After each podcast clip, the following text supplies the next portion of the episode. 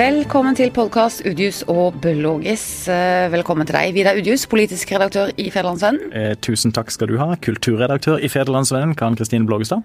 Takk og takk. Og eh, spesielt velkommen til journalist Kjetil Reite. Tusen takk, alltid trivelig å være her. Ja, du er en av våre yndlingsgjester, det kan vi vel slå fast. Ja, det er en god begynnelse her. God stemning i studio. Mørk og pen her nå, jeg bare nevner det. Jeg KrF. Ikke, jeg vet ikke hvem det er til. KrF. Du, dere er jo begge litt eksperter på KrF, og nær det partiet som jo eh, ikke er så stort lenger, men som er ganske stort på Agder og har vært et eh, gjeldende parti her i vår region. Nå er det fortsatt store sår i det partiet etter den ideologiske kampen de har kjempet, og flere melder seg ut. I løpet av det siste året så har 200 medlemmer forlatt KrF Agder. Hvis jeg skal tro det du har skrevet, Reite. Hva har de til felles? Eh, altså Alle disse utmeldelsene skyldes antagelig ikke protester mot retningsvalget. Det har også vært litt opprydding i medlemslister og sånn. Men hva har de til felles, de som melder seg ut av KrF nå? Det er selvfølgelig sammensatt, men, men det, er jo til felles det at, at Eh, det viser jo det at såra etter den retningsstriden, de, de, har tatt veldig lang tid å få de til å, eh, å gro. Og, og, det er absolutt en sak som, som splitter partiet i dag, det er veldig tydelig. Og, og jeg, det, det, kan nok, det, kan nok, Jeg har nok gjort med den refleksjonen at det kan nok skyldes det at KrF de, altså de fikk et veldig svakt mandat for å gå i regjering. Det var et knapt flertall, og det var, en, det var til og med veldig stor strid om det var kommet på rett måte i og med det som skjedde i, i Rogaland. Og så går du i regjering med et veldig knapt flertall, og så er det altså en veldig, veldig mange som sitter skuffa tilbake. Og det her har nok tatt mye lengre tid å, å få orden i da, enn ledelsen hadde regna med. Men de medlemmene som eh, ønsket at KrF skulle ta en eh, venstredreining, de ble altså en stund, ga den nye partilederen Kjell Ingolf Ropstad en sjanse. Kan man si at han har gjort noe galt, da? Eh, etter at eh, de startet eh? Ja, altså om de ble en stund. Noen meldte seg jo ut nokså med i gang. Rune Edvardsen, som du skriver om i, i den saken som nå er ute, Kjetil, meldte seg ut nokså umiddelbart vel etter at vedtaket var, var fatta. Ja, og mange trakk seg bare ganske enkelt tilbake. og bare, ja, ja. De, bare, de beholdt kanskje medlemskap, men de bare la ned arbeidet. Arbeid, arbeidet, ja. Så, eh, men Solli f.eks., som jo er en markant KrF-politiker Irene Solli var var jo nestleder i Agder KrF da hun meldte seg ut. Det er jo dramatisk for partiet, også nasjonalt, at, at en nestleder i et så viktig fylke melder seg ut. Og, og, så, og, så, tror jeg også det er todelt. Det ene er at sårene ikke har grodd, som Kjetil sier, etterretningsstriden. Og de som tapte den kampen, føler da på en måte at nå er det ikke verdt å, å være med lenger. I tillegg tror jeg også, og det er jo litt beslekta med det, men at mange av disse er misfornøyde med den profilen som KrF da har fått eh, de siste månedene. Gjennom saker som eh, homoterapi og dette som ble oppfatta som et eh, og det som var et angrep på deler av, av miljøbevegelsen. Og, og at, eh, som Irene Solli da setter ord på, at hun oppfatter at KrF er i ferd med å bli et sånn smalt kristen konservativt parti som ikke de da ønsker å være med i. Og det at eh, jeg tenker det siste er nesten enda mer alvorlig enn det første fra Kjell Ingolf Ropstad. Og, og, der ligger hans største utfordring, tenker jeg, som har, partileder, å, breie ut den profilen.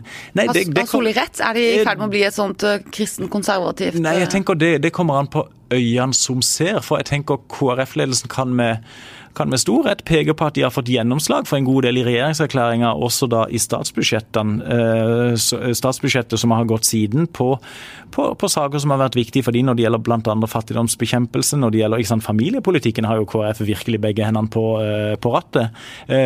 Og de fikk, de fikk gjennom ei løsning som for en del KrF-er ikke var god nok, men som de neppe hadde fått bedre sammen med andre partier, nemlig den løsninga for Eh, for eh, det som kalles eldre ureturnerbare asylsøkere, de som har vært her lenge og som er i, i limbo. Eh, så i den reelle politikken har de fått gjennomslag for en del, men så er det disse sakene som jeg nevnte, og som knytter seg til, til homosaken særlig, som er veldig symbolsk viktig. Særlig for de som er misfornøyde, som på en måte tar mye, mye oppmerksomhet. Men hva, hva tenker du, Kjetil? Ja, det, det, er i alle fall en en stor irritasjon da blant, eh, blant de på, på vinnersida. At, eh, at det de ser på som tapere nå prøver liksom å klistre Kjell Ingolf Ropstad til et sånt her mørkemannsstempel. Altså at, det, at, det, at det skjer blant deres egne, og de vil jo da selvfølgelig trekke fram akkurat disse sakene som, som Vidar her prater om. Men du sier at eh, taperne prøver å klistre Kjell Ingolf Ropstad til et sånt mørkemannsstempel, eh, men har han ikke lykkes eh, veldig godt med det selv? At han har lykkes med godt. Ja, det, det, kan jo selvfølgelig mange mene det, at han, han selv har hatt noen sånne, ut, eh, noen sånne utspill. Men de, når de, de selv viser jo til ei, regjeringsplattform som de, eh, som de er fornøyde med. og eh, og, og, til mange saker, også i, i asylsaken, som de mener de aldri ville ha fått gjennomslag med, i, um, med Arbeiderpartiet. Men er Kjell Ingolf Ropstad en høyrepolitiker eller en moderat sentrumspolitiker? I, eh, i, gamle der så ble det sagt i Haugesund at KrF-erne det er de høyrefolkene som ikke drikker. Ja. ja, Det, kan jo, det kan stemme veldig godt for Kjell Ingolf Ropstad. Ja, ja. Du, eh, Kjell Ingolf Ropstad er en borgerlig politiker. For han så hører KrF hjemme på borgerlig side. Også fordi at han mener at KrF får mest politisk gjennomslag på, på borgerlig side. Samtidig så var han jo åpen under retningskampen på at jeg kan eventuelt være statsråd i en regjering over mot venstresida hvis jeg blir spurt om det. Så han er, ikke, han er ikke dogmatisk, men han mener instinktivt naturlig at de får mest gjennomslag på, på borgerlig side. Men jeg skulle bare følge opp, eh, følge opp også det som eh, Kjetil sa innledningsvis, med hvor tett den kampen i KrF var. Én ting var dette 88-80-vedtaket på landsmøtet. Men så fikk, så fikk, jo da KrFs forhandlingsutvalg i mandat å forhandle fram en regjeringsplattform med de andre regjeringspartiene. De var fornøyde. Eh, Kjell Inger Forpstad i ledelsen for den KrF kom tilbake til sitt eget landsstyre og fikk den vedtatt med knappest mulig flertall. 19 mot 17. Et helt dramatisk resultat. Og blant de 17 var altså partileder Knut Arild Hareide. Et, et, du kan jo ikke få et dårligere utgangspunkt for å gå inn i regjering enn en det. Og, og det skismaet har på en måte eh, vært der siden. Um, trøsten for Kjell Ingolf Ropstad det er jo at det er ikke valg i år. Han har på en måte vis, en viss, en viss uh, tid på seg. Hvordan tror du han reflekterer rundt dette nå? Jeg, jeg tror iallfall at, at,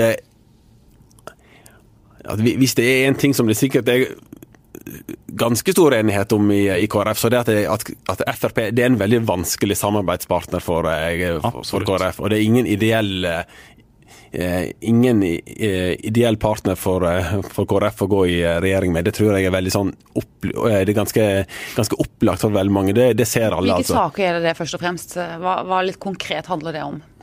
Det, det, handler om det, det er vel et bredt spekter av saker, men også ved innvandringspolitikken, sant, som vi ser nå. Altså det, det, blir liksom sånn at, at KrF der blir, der blir, der blir veldig forbundet, selvfølgelig, da, med, eh, med regjeringa sin innvandringspolitikk. altså. Den blir veldig forbundet med en veldig streng innvandringspolitikk. De, både de og Venstre blir det? Både, både, de og Venstre blir det. Og Samtidig så blir det litt sånn rart når de da plutselig kommer fram og er så veldig kritiske til en sånn enkeltsak. Kjell Ingolf Ropstad er veldig kritisk til en enkeltsak. Det er veldig, alltid veldig rart når en Stålsett-saken, faktisk. Ja, Stålsett-saken. Det er veldig rart når en i regjeringspartiene er det. Det, det gir ikke helt sånn troverdighet. Nei, for de Klimasaken, f.eks. Vanskelig. Ja. Ja. Samtidig så er det jo også sånn at det er jo et bredt flertall på Stortinget for en streng innvandringspolitikk. Og jeg tror, jeg tror neppe KrF hadde fått veldig mye, eller Venstre hadde fått veldig mye større gjennomslag i en regjering med Arbeiderpartiet og Senterpartiet på en del asylpolitiske spørsmål. De, de, de, har lagt seg eh, Og det er jo nasjonale kompromisser i Stortinget på, på den linja, så jeg tror det også er vanskelig for, eh, for, KrF. Ellers når det gjelder på en måte det å bli ja, i hermetegn stempla som mørkemann, eller hva det skal være, og KrF framstår som et smalt parti vi, skal, eh, vi må også ta med oss forhistorien der. At KrF har vært på vei nedover jevnt og trutt siden 2003. Og at og altså også da partiet hadde egentlig alle muligheter i opposisjon til å fornye profilen, som Knut Arild Hareide prøvde på.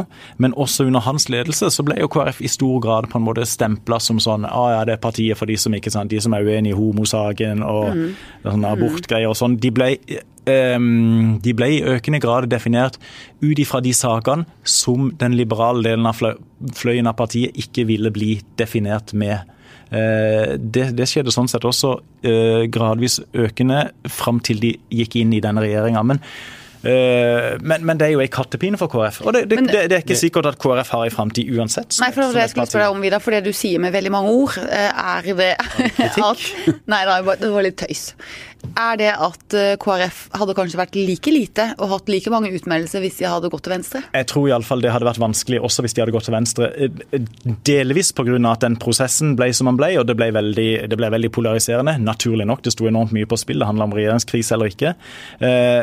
Men også delvis fordi at KrF som parti Det er veldig lenge siden de har hatt politiske saker. Og det er det som er det viktigste for et politisk parti, å ha politiske saker som velgerne kjenner seg igjen i, og som engasjerer, mobiliserer velgere.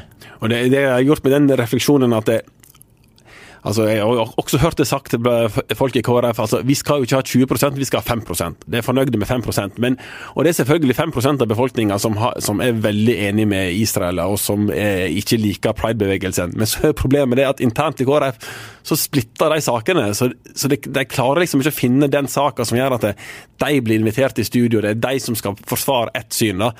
Og når de blir det, så blir det kan hende sånn som i denne med, med homoterapi så blir jeg invitert for å, for å skulle forsvare ja. det, det, synet der. Og så er det en sak som da igjen splitter partiet. Så ja. det må jo være veldig vanskelig for, ja. for Kjell Ingolf å manøvrere i det. Og et annet eh, problem for KrF er at eh, heller ikke i nettopp i gamle hjertesaker for partiet, heller ikke der er de enige internt. Altså Les partiprogrammet til KrF hva de egentlig mener i abortsaken. Hmm. Det, det, det, er veldig vanskelig å forstå. Det er vanskelig å forstå, fordi at det er et sånt ullen kompromiss. Fordi at partiet er splitta. Les hva de egentlig mener om ekteskapsloven. De vil løfte fram ekteskap mellom mann og kvinne. Ja, Hva betyr det om dagens ekteskapslov? jo, jo, men ikke sant. Er, så sånne debatter er tøffe for partiet. De må ja. kanskje ta mer i åpent lende Hvilke, hvilke velgere er det Kjell Ingolf Ropstad ønsker seg til partiet? Det, det, må, det, må, du svare på, Kjetil. Hvilke partier skal, hvilke partier skal han eh, få velgere fra? Ja, altså det, det, ja, hva, hva partiet han skal ja, Hvem han skal tilbake Hvilke segmenter er det han prøver å liksom, eh, lokke? Altså, Han kunne jo Ja, altså han kan jo begynne med sine, sine, kjernevelgere. Det var vel Dagen som gjennomførte undersøkelse som viste at i, altså det er jo gjerne i det en kaller altså i kristne, i Frikirke-Norge, eller i kristne organisasjoner, det er der de har rekruttert. Og der er det 50% som stemmer KrF, eller 51 er det vel som stemmer KrF, ifølge den undersøkelsen. Og det er et nokså konservativt segment, ikke sant? Ja, det er sikkert sammensatt der òg, da. Ja. Det er nok sammensatt der òg, ja. etter, etter, hvert. Men bare der kunne han jo eh, Har han de nok en, eh, en del å hente. Mm. For, de, for, KrF sliter jo også blant kristne velgere. Og, ja. da, eh, og tenker, Først og fremst blant tidligere KrF-ere så vil jeg tro eh, jeg tror det er den mest lavthengende frukten som man kan eh, prøve på, som har forlatt KrF i tidligere frustrasjon over at hvor går de hen egentlig, hva mener de egentlig? Og da har jo I tidligere frustrasjoner så har jo noen KrF-velgere også ment at de var for langt til venstre og gått til Fremskrittspartiet pga. Israel-spørsmål. Eh, og jeg, jeg vil tro, og helt konkret så vil jeg tenke at Kjell Ingolf Ropstad øh, Dette er bare min antakelse, men jeg vil tro at han tenker KrF-velgere KrF som har gått til Senterpartiet på bygdene, og som har gått til andre borgerlige partier i byene. Det er ja. de på en måte vi vil prøve å få tilbake først. Det store spørsmålet helt til slutt. Har vi bruk for KrF i en moderne Fra 2020 og utover, er, det, er, dette liksom begynnelsen på slutten på et eh, religiøst tuftet eh, parti i norsk eh, politikk? Nei, Jeg vil iallfall ikke sitte her og si at det er noen parti vi ikke har bruk for i, i, i Norge, altså. Det, og det, jeg tror vi har ja, Altså, jeg, Trenden har vel heller blitt at det har blitt flere partier? Ja, det har jo det. Mer oppsplitting, mm. mer fragmentering. Flere, flere små partier. Ja, mm. så det er akkurat det er vanskelig å si. Og plutselig kan et parti treffe på ikke sant, Senterpartiet for fem, seks, syv år siden eh, strevde med 5 tallet på, på, målinger, ender opp i det tre-firedobbelte. Så plutselig så treffer du en streng som, som, eh, som, engasjerer folk, og det kan skje med ikke sant, Venstre kan ha kjempemålinger om, om to, tre, fire år. Det er vanskelig å si hva som, eh, hva som skjer. Og det er akkurat akkurat med, med, Venstre. Jeg kan jo kanskje tenke sånn at ja, KrF det representerer de konservative holdninger, det er ikke så mange som mener det lenger. Men, mens Venstre, som er et eh, moderne og liberalt parti og er, er, for alt det som mainstream er for, de sliter også. Ja. Så det er nok ja. ikke så enkelt som det at Nei. du bare sier at, eh, du, at den type velgere er ikke det så mange av lenger, og derfor så vil eh, oppslutninga går ned. Og så har de søsterparti i Sverige som, som, vil, som eh, reiste seg fra 2,5 til 8% så, ja. Og som gjør det mye enda bedre enn det på målingene. Og så er det et søsterparti i Danmark som nesten ingen vet eksisterer òg. Men nå har det alltid stått dårlig til i Danmark. Det har de gjort for, for, KrF. Så hva tenker du avslutningsvis på det spørsmålet, Karen, det du selv stiller? Det, nei, jeg tenker at, eh, at, altså, at jeg tror religi altså, religion og politikk jeg tror det blir vanskelig å forene i en moderne verden. og det syns jeg på mange måter er litt fornuftig, og jeg tror mange av kjerneverdiene, altså mye av de verdiene til KrF, kan du jo finne i andre partier. De fleste kristne velgerne befinner seg vel i andre partier. Ja, Arbeiderpartiet, er det ikke det? det, jo, det er det største, det største kredopartiet, sånn vanligvis, iallfall før Ap begynte ja. å bli nokså mye mindre. Så ja. det Ja, nei. Mm. Du, til absolutt alle til sist, eh, Vidar, og det var veldig klosterformulert, men hvis du skal gi veldig kort nå et terningkast til KrF-lederen så langt, Ropstad, hvordan har han klart seg? Uh, er det fra én til seks vi snakker da? Ja. ja. Uh, tre. Ja. Fordi han har hatt det veldig vanskelig, uh, ja. men heller ikke overbevist. Nei. Så um, så han har litt å jobbe med, Ropstad? Han har litt å jobbe med, men han er ung, og det er relativt lenge til neste valg. Da runder vi av eh, KrF-diskusjonen for denne gangen, og så går vi over til et eh, annet parti som sitter i regjering, og det er selveste Fremskrittspartiet. I som regjeringspodkast, dette. Ja. Var det tre partier igjen her? Ja, ja. Eh, ja. det ble lang podkast. Ja.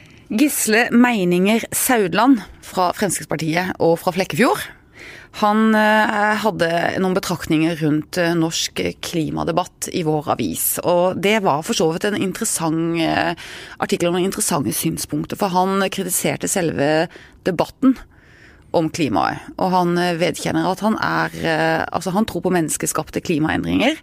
Og syns klima er en viktig sak, og mener at Fremskrittspartiet er i bevegelse i det spørsmålet.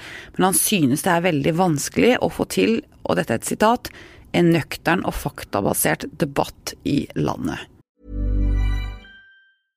Hey, I'm Ryan Reynolds. At Mint Mobile, we like to do the opposite of what Big Wireless does. They charge you a lot, we charge you a little. So naturally, when they announced they'd be raising their prices due to inflation, we decided to deflate our prices due to not hating you.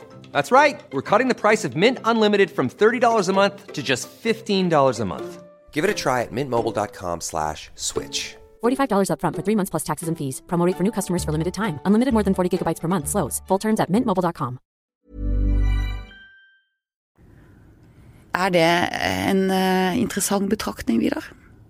Ja, altså Det var du som var borte i Flekkefjord og snakka med han, Kjetil. Ja. så det var, det var interessant intervju. Min, uh, min refleksjon er at uh, eh, Frp prøver å file ned kantene for at de ikke skal være et uaktuelt parti for de som kanskje kunne tenkt seg å stemme, stemme, Frp, hvis ikke det hadde vært for klimasaken, hvor de er helt, helt rabiate. Ja, eh, og jeg tror eh, den fløyen i Frp som, som, prøver å moderere partiets profil, de er veldig frustrerte over at du av og til får utspill som du får fra Carl I. Hagen, Tybring-Gjedde osv., som på en måte bare føyser av hele Klimasaken? Klimasaken, ja. Mm. Samtidig som de vel da eh, genuint eh, er uenige med, med eh, hva, skal en si, eh, ja, Greta Thunberg og MDG og mange Klimabevegelsen?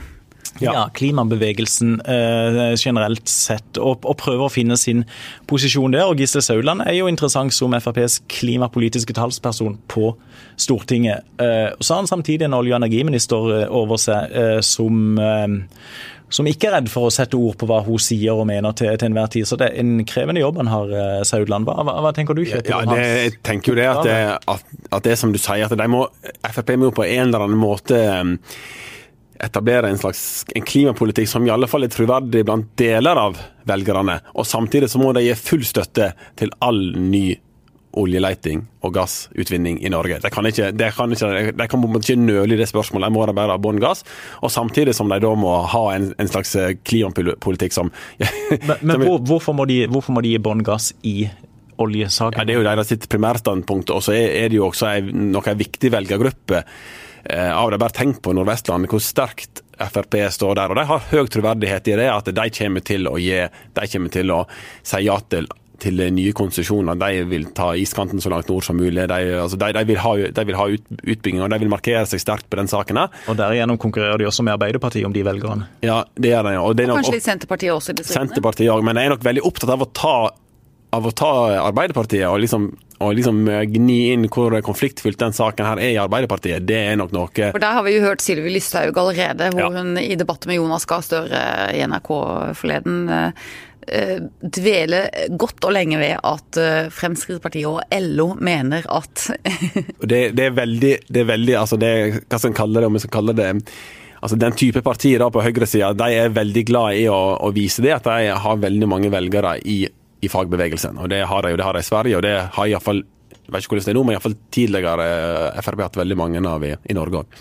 Det, det har de. Samtidig er jeg veldig spent på eh, Fordi at sånn som jeg opplever Gisle Saudland, så han han er i, i, i bevegelse i dette spørsmålet, opplever jeg. Han, han er nå mer mainstream enn enn han har vært eh, tidligere, er, er min opplevelse. Så jeg er veldig spent på å se hvor, eh, hvor eh, ja, hvordan han kommer til å operere framover i sitt parti i, i denne saken. Og han har jo også, som du intervjua han om, altså, ikke sant, eh, hans hovedsak i valgkampen før forrige stortingsvalg var jo å åpne for oljeleting i Farsundsbassenget Ja. ut forbi sørlandskysten, som på en måte alle de andre partiene bare føysa og liksom sånn. og og, og som vel nøkternt sett vil bli et vanskeligere og vanskeligere standpunkt å, å fronte, jo mer eh, fokus det blir på klimasaken som, eh, som sådan. Men samtidig tror jeg Kjetil har helt rett at Frp kommer bare til å gi klampen i bånn når det gjelder eh, oljearbeidsplasser. eh, oljearbeidsplasser og Oljeutvinning, ja. betydning for Ja. norsk økonomi osv. Og en Ja. sånn svær poster på et tidligere Frp-landsmøte, der var det bilde av jeg tror det var en oljeplattform, og så var teksten var bare 'olje skal opp'! utropstegn. Ja. Ja. Enkelt forklart. Men har eh, Sauland rett i at det er bevegelse i Fremskrittspartiet? Er det flere som anerkjenner liksom utfordringen i klimakrisen? Det, mitt inntrykk er at det er bevegelse der, sånn sett. Eh, Men kanskje mer på det overordna plan. Vi fikk inn et, et, et, et interessant leserinnlegg her av en som hadde i dag var det vel en som hadde lest eh, ditt intervju med Gisle Sauland, Kjetil, og han liksom sånn hm, hm, hm, Faktabasert eh, klimadebatt, veldig enig, enig, enig. enig. Eh, men så etterlyste han så hvilke klimatiltak er det da Gisle Saudland på en måte helt konkret vil ta initiativ til, sånn på egen hånd? Hva, hva vil han liksom, eh, Hvor ligger hans premisser for, for debatten? Hvilke tiltak vil han gjennomføre? Sagt han om det, Kjetil? Ja, det, det, det, er det, det er jo det en ser, at de er veldig, de er veldig opptatt av å De er veldig opptatt av å, å påpeke det her med at hvis du skal få ned utslippene, så skal du ganske enkelt bare slutte å forbrenne fossilt brennstoff. Så enkelt er det jo. Da, altså, du, du, du vil iallfall få gjort veldig masse med det, og den forbrenninga den, den skjer, skjer i Kina. Så kommer de jo samtidig ikke unna det at i Norge så slipper vi jo ut veldig mye klimagass eh, per innbygger. og de, de viser på en måte aldri helt til hvor, hvor hen en skal ta det bort fra oss, og hele tida snakke om at det kommer ny teknologi, og eh, teknologien hjelper oss, og markedet hjelper oss. så, og, og så har det her flere ganger etterlyst òg i skriftlig eh, tekst. Siden de også er så veldig opptatt av at ny teknologi hele tida kommer i, i nye biler og i bilindustrien. Så, den kommer jo ikke i et vakuum, den nye teknologien. Den kommer jo fordi at det er en bevegelse som presser på her. Det, så sier de ja, det er markedet. Ja, hvem, hvem utgjør markedet? Ja, ja, ja. Det er faktisk vi forbrukere. Så det, og, Og det er jo hvilke ram- CO2-avgifter og alt, det er jo masse hvilke verktøy som, eh, er det som, skal, som legger, legger rammevilkårene for markedet? Det er politiske vedtak Mm. som gjør det dyrere og dyrere å forurense, som gjør at bilbransjen bl.a. Mm. svarer med nye og nye mer ø, ø, utslippsfrie modeller. Så det, det er et samspill her som jeg opplever at Frp på en måte litt sånn ikke, ja, ikke vil forholde seg veldig aktivt til. Hvis dere lurer på hva jeg mener, Ah, Ja. vet ikke det. ikke så ja, ok. litt kanskje, Ja, litt. bitte litt, Ja. så tenker jeg jo Overraskende å forsvare Frp, Karen. Nei, ja, det synes jeg, nei, jeg syns det er uh, rart at en uh, Frp-stortingsrepresentant eh, eh, Altså, det må jo være vanskelig for han å klage på debatten, samtidig som Frp har oljeministeren. For at hun er jo ikke kjent for å være så veldig konstruktiv i det politiske ordskiftet. Hun er kjent for å være en veldig polariserende politiker, og også statsråd. Eh, Så det blir veldig spennende å se om eh, akkurat eh, FrPs bidrag der skal gjøre debatten bedre. Ja, en, en kan jo En kan jo bli matt og en kan jo en bli, altså I alle debatter så kan det bli litt matt av rene populistiske utspill. og Det kan en også bli i, i klimadebatten. altså du har På den ene sida du, du, har- du har Altså, jeg har, altså, jeg har alltid selv vært i, eh, i, i miljøbevegelsen og tenker bare med gru på utmattende diskusjoner om jeg skal få barn eller ikke. Altså, det er ikke noe som vanlige folk går rundt og tenker på. Nei. Ja, har dere et tre? sånt ja, jeg, jeg har tre, så jeg har forlatt den linja for lenge. Det tok du ikke til etterretning. Og så har du da eh, på den andre siden noe som, som da klarer liksom å, å gjøre en sånn her eh, elite, altså folkeelite-spørsmål ut av alt. Ingen sak er liksom Ja, eh, Ingen sak er for liten, ingen, Ingen sak er saker for for liten sant? til å gjøre noe sånn her sentrum-periferi eller elite, vanlige folk mm. konflikt ut av. Hver, hver, eneste, hver eneste avgift og hver eneste tunnelbane i sentrale strøk og hver eneste bussrute i strøk blir liksom et sånt at nå skal liksom eh, nå skal periferien eh, støtte de, de Ja. urbane kaffelattedrikkerne. Og jeg, Ja, jeg ja. synes det at de debattene der, de, de eh, Hvis det er det, hvis det, er det eh, Sauland peker på, så, så har han jo et poeng der, altså. Det syns jeg var en interessant betraktning også. Det er da altså på tide å avslutte eh, diskusjonen om Frp også. Så skal vi snakke litt om eh, noe som har vært diskutert. Fordi NRK har eh, lansert eh, en ny NRK-serie som handler om 22. juli, og den heter jo rett og slett 22. juli. Og eh, det, ingen av dere har sett eh, den eh, Bare lest om den, ikke sett den? Bare lest om den, så du må gi et kort riss. Ja, og jeg vil gi en kort anbefaling, rett og slett. Fordi at jeg har sett de to første episodene som er lagt ut. Og det er altså så fin og finstemt og nøktern og stille filmkunst om noe som jo er utrolig voldsomt og brutalt. Og denne nye NRK-serien handler ikke om selve terroren som sådan. Det handler ikke om hendelsene, verken i regjeringskvartalet eller på Utøya. Det handler om veldig mange mennesker som sto rundt, var i nærheten, var på jobb og tilfeldigvis eh, var til stede eller ble involvert 22. Det handler om en kirurg som er på vakt, det handler om en eh, politimann eh, som jobber ved lensmannskontoret på Ty- Tyrifjorden der, og det handler om en vaskehjelp på sykehuset, og det handler om en lærer osv. Så, videre. så det er en utrolig sånn interessant, fin inngang i vanlige nordmenns befatning med 22. juli. Og så handler Tre, ja, trenger vi, trenger vi den filmen, tenker du? ja, det tenker jeg vi trenger så veldig, for jeg tenker at vi trenger veldig å holde 22. juli varmt. Altså, eller eh, vi trenger å ha det nærværet av det hele tiden, for det var så mye i det og rundt det og i diskusjonen etter det som vi eh, alltid trenger å diskutere og jobbe med, og som har utfordret oss og gjør det fortsatt. Og det handler jo veldig mye, den filmen peker jo på litt systemsvikt, på manglende beredskap, på manglende varslingsrutiner. Men så handler det også om de gode medmenneskene og de gode medhjelperne. Det handler om folk som strømmer på post når det slås eh, rød alarm osv. Så, videre. så det er mye fint òg, på en måte. Men Det eh, ligger jo mange, mange debatter ennå i forlengelsen av de voldsomme terrorhandlingene. ikke sant? det er ikke veldig lenge siden eh, det politiske Norge var i, i, i spenning, altså fordi at eh, det var et stort politisk spørsmål om regjeringen måtte gå pga. manglende oppfølging av beredskapsplanen osv. Så, videre. så dette er jo en viktig issue, og det gjør jo at eh, Altså denne Bakklangen med 22. juli gjør jo at beredskap i Norge har fått en helt ny betydning. Helt ny betydning, og fortsatt står jo eh, regjeringsblokkbygningene der som eh, Også et symbol på- ja, ikke sant? minnesmerker over eh, ja. Og så vondt å se, da. Det er jo, for pårørende er det selvfølgelig en kjempepåkjenning å, å se det og minnes dette. Og det er jo ubehagelig å se opptakten, altså, eller den dagen i disse menneskenes liv, hvordan du nærmer deg tidspunkt når du vet det smeller, og du vet, ikke sant. Og det er jo en film du vet slutten på, og den er jo helt forferdelig. Men det er virkelig en filmverden å se, altså. Veldig fin filmkunst, og det er jo nødvendig når man skal eh, behandle en sånn tematikk. Og, og det er jo noe med 22. juli som, eh, som du sier, Vidar, at den, den hendelsen, den, den, den etterlater så veldig mange spørsmål, da, som, som, jeg, som jeg tror vi, må, vi kommer til å diskutere i årevis. Bare sånn et av spørsmålene når, når terroren rammer, er det hva vil, er, det da, er, det, er det ideologien vi skal se på? Er det ideologien bak terror? Altså hver, den ideologien som Eller er det den gjerningsmannen sin bakgrunn, sin oppvekst?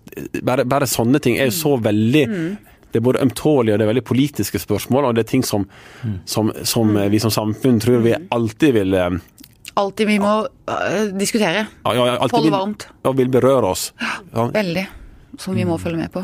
Nei, Det er virkelig en eh, varm anbefaling, og det er veldig trygt å vite at det er to veldig fine filmkunstnere som har laget denne serien, så det er eh, veldig sånn nennsomt og klokt gjort. For, for noen få år, nei, tida går så fort. Hvor lenge siden er det den forrige 22. juli-filmen kom, som på en måte var mye tettere på? Men, det var to eller tre år siden? Tre år siden, kanskje? Poppesinn. Ja, Poppesinn, ja. Den viste vel heller ikke gjerningsmannen, det var, men det var mer direkte på ofrene. Da var vi på Utøya. Da var vi på Utøya. Og, nå og løp rundt på måte Utøya, men vi så ikke gjerningsmannen. Det er Nei, nå er riktig. vi et hakk lenger ut enn det. Ja. Hvorfor er det ikke lagd en film ennå med gjerningsmannen i sentrum? Som viser han Nei, men eh, ja, riktig.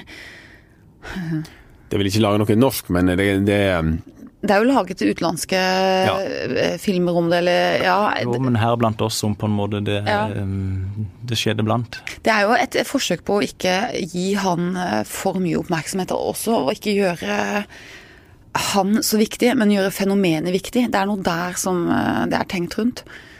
Og i respekt av pårørende, selvfølgelig. Det er jo forferdelig. Det er jo ikke noe Absolutt. Men i hvilken grad forandra det 22. juli det norske samfunnet, tenker dere? Oi. Sånn, nå, nå er vi gått eh, jo, men ikke sant, Det er gått en del år siden. Ja, det, var, det er et interessant spørsmål, for jeg intervjuet eh, Jens Stoltenberg, uh, Nato-sjefen selveste. Jeg møtte han på Akershus festning og intervjuet han når det var det første markeringen etter 22. juli. Eller ja, det var vel fem år eh, siden da. Og da mente han veldig sterkt at eh, den terroren ikke hadde forandret det norske folk, og at det svaret vi ga, med rosetog og kjærlighetsbudskap og sånn, viste at han hadde liksom ikke klart å ødelegge oss. Men, men eh, at Norge har blitt litt beveget av det, det tror jeg vi har. Altså, og vi har jo ikke lært av det på Altså, eller ekkokamre, ekstremisme, eh, nettroll med hat og liksom ah, Dette har jo ikke forsvunnet, ikke sant. Det har jo kanskje tvert imot økt på. Det har det vel også i mange andre land, har det ikke det? Ikke sant? Det er vel en svær internasjonal trend. Ja. Eh, Men men jeg tenker òg for egen del at det er at ikke, og og det er veldig bra, tenker at ikke det har forandra det norske samfunn grunnleggende fordi at vi har så mange gode sider i vårt samfunn som er viktig å ta vare på. Eh, Og så ble vi skaka da det skjedde, men på en måte demokratiet, folkestyret, tilliten egentlig opplever jeg fremdeles er grunnleggende det samme som før, før terrorhandlinga. Og det er jo gull, altså. Den norske tilliten, det er så gull. Og den er jo utsatt for hardt press, og den ble det også 22. juli. Og spesielt også fordi denne, det var en stor systemsvikt der. At den ikke klarte å hjelpe tidsnok når noen av oss ble angrepet. Det, det, jeg tenker også det at det, det var mye det En snakker jo ofte om Norge og, eh, som et, et veldig åpent samfunn. Og, og hver gang det skjer noen sånne ting skjer, så, så snakker de om at det er trua. Liksom, at de er åpne. Det, men jeg opplever heller ikke det. At det er mye, mer lukka, mer overvåkning eller mer kamera og flere livvakter og bevæpna ved innganger og sånt. Det, det er jo ikke noen sånn eh, opplevelse en sjøl har, i alle fall. Nei, og, og det er så mange jeg, forteller, når jeg intervjuet Jens Stoltenberg den gangen inne på Akershus festning, så var det jo inne Det var, det var ikke et veldig skjermet ø, område. Det var jo altså sjefen i Nato. Og det var liksom sto en mann i døra og passet litt på i et av de gamle trehusene der. Det, var ikke noe, det er jo helt absurd. Det kunne, jeg tenker, Dette kunne bare skjedd i Norge, altså. Det er den norske tilliten. Og det, det slår meg jo ofte når jeg er ute på arrangementer hvor, hvor eh, fremtredende politikere eller regjeringsmedlemmer er til stede. Det, det er stor grad av åpenhet, og det er nokså lave terskler, ja, i, eh, for, for å kunne gå hen og snakke med vedkommende. Og en hadde faktisk noen av de samme diskusjonene da Olf Palme ble, ble skutt. Han, Ja. gikk, da, han gikk jo i det gamle stand uten livvakter. Ja. Nå nå ble nok det slutt på, men han, han ønska det ikke der. Og da fikk en den samme debatten om nå er det slutt med uskylden i nordiske land, og nå er det slutt på det åpne samfunnet. Men det, har, det kan virke som den er jo mer robust eller slitesterk, altså. Den tilliten er større enn det kan hende, tror jeg, i alle fall når, når den krisa inntreffer. Etter Olof Palme. De, de, på dansk TV har de også vist en sånn serie som vi har hatt på norsk TV, da vi styrte landet, med tidligere og nålevende statsministre som forteller på en måte, sider rundt et bord og diskuterer om hvordan det var da, i den enkelte statsministerperiode da. Etter Palme-attentatet så skjerpa de sikkerhetstiltakene også i Danmark under den danske statsministeren, men var det, var det Poul Slytter, eller var det en Jeg er ikke sikker på hvem som var statsminister da, men vedkommende likte veldig dårlig at det da kom bevæpna politivakt ved den danske statsministerboligen permanent, som satt i en politibil.